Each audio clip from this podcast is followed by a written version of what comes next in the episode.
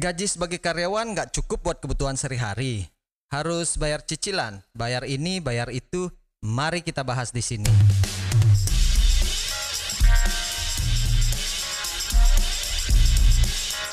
Halo guys, kembali lagi bersama saya di Tanda Tanya.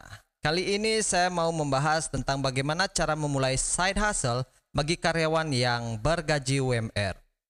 Oke, buat kalian yang nggak tahu, side hustle itu adalah pekerjaan sampingan ya guys. Mungkin banyak di antara kalian merasakan hal yang sama yang seperti dulu saya rasakan pada saat masih bekerja sebagai karyawan. Walaupun beberapa ada yang bergaji di atas UMR, tapi kok rasanya masih kurang gaji saya setiap bulannya ya? Bener nggak? Jika ada yang ngalamin hal yang sama, berarti kalian memang butuh side hustle guys. Jadi di sini saya akan bahas side hustle apa saja yang mungkin cocok buat kalian yang bekerja sebagai karyawan. Tanpa berlama-lama lagi, langsung saja yang pertama adalah freelancer. Freelancer yang ingin saya bahas di sini adalah orang yang menjual jasa secara online maupun offline ya guys. Kalau offline mungkin strategi pemasarannya dari mulut ke mulut, dimulai dari keluarga dan teman-teman terlebih dahulu. Dan untuk menjual jasa secara online, kalian bisa memanfaatkan sosial media milik kalian atau website penyedia layanan freelancer seperti Fiverr, Upwork.com, dan lain sebagainya.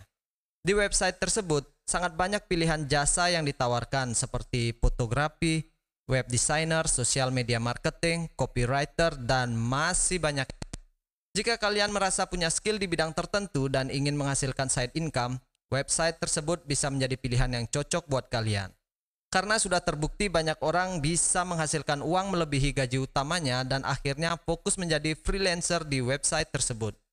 Kalian bisa menghasilkan uang dari passion kalian dan dibayar dolar pula. Enak banget kan?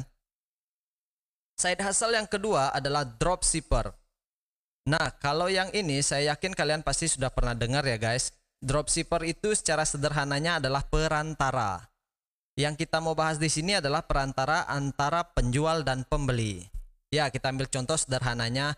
Kalian beli barang di Shopee, terus kalian jual di Tokopedia dengan menaikkan harganya supaya dapat untung. Emang bisa? Pasti ada dari kalian yang pengen nanya kayak gitu kan? Sudah jelas bisa. Kalian pikir ribuan toko yang ada di marketplace jualan produk yang sama, itu suppliernya semua berbeda? Belum tentu. Bisa jadi satu supplier tapi toko yang jualnya berbeda. Paham kan maksudnya? Saya sendiri sudah pernah nyoba. Dulu jualan jaket, saya beli di Shopee, jualan di Tokopedia. Lumayan laku beberapa sih, tapi ada tapinya nih guys. Kalau mau jadi dropshipper itu yang pertama harus pastiin stok produk di supplier yang kalian jual itu harus selalu tersedia. Minimal kalian update stoknya lah, tanya-tanya si supplier supaya nanti misalnya kalian dapat order eh tahu-taunya stok di supplier kosong. Biar nggak kecewa. Jadi dropshipper ini enaknya kalian nggak perlu packing-packing orderan atau kirim-kirim ke kurir. Karena pada saat ada orderan masuk, kalian hanya meneruskan orderan tersebut ke supplier kalian dan kasih alamat customer untuk pengirimannya. Jadi supplier yang ngurus packing dan pengiriman. Sampai sini sudah jelas kan? Kalau belum jelas, silahkan komen. Nanti saya buatkan konten khusus bahas tentang dropshipping. Atau kalian bisa nonton video di YouTube atau Google buat nyari tahu tentang dropshipper. Oke, lanjut. Side hustle yang ketiga adalah affiliate marketing. Waduh, apalagi nih? Affiliate marketing itu intinya kalian menawarkan produk orang lain dengan cara membagikan link referral kalian. Jadi contoh nih, kalian daftar di website penyedia affiliate marketing seperti Clickbank, AliExpress, Amazon, dan lain-lain, kalian bisa pilih produk apa yang ingin kalian bantu jual di sana.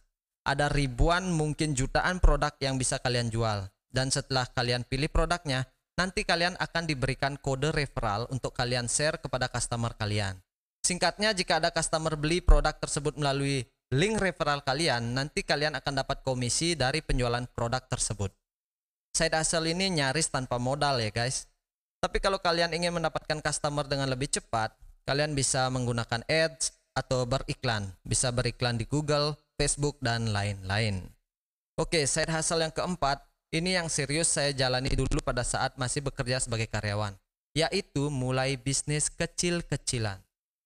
Ya kita nggak pernah tahu kan ya sampai kapan kita akan bekerja di sebuah perusahaan kalau fundamental perusahaannya bagus dan untung terus ya itu juga bagus buat para karyawannya.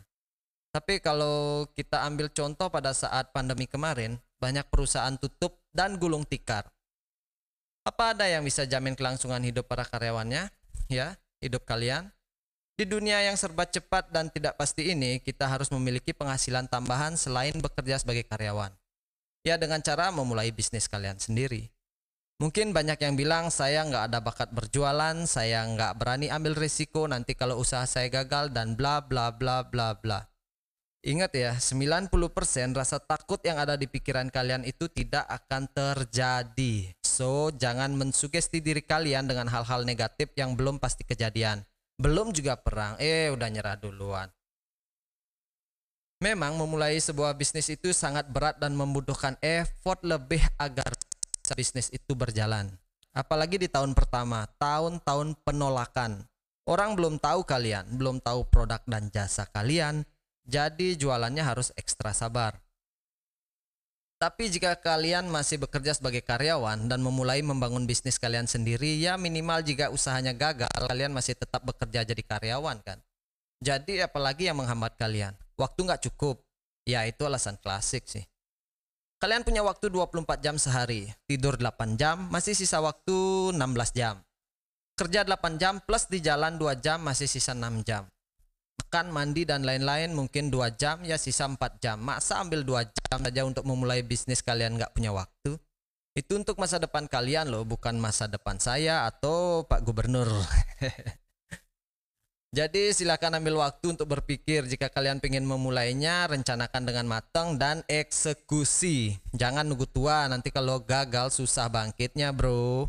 Sekian dulu ya guys, lumayan pegal ini mulut. Sekali lagi saya ini bukan penasihat keuangan atau penasihat masa depan kalian. Karena masa depan tidak ada yang tahu. Kita hanya bisa menjalani saja dengan semaksimal mungkin. Jaga kesehatan kalian and see you guys.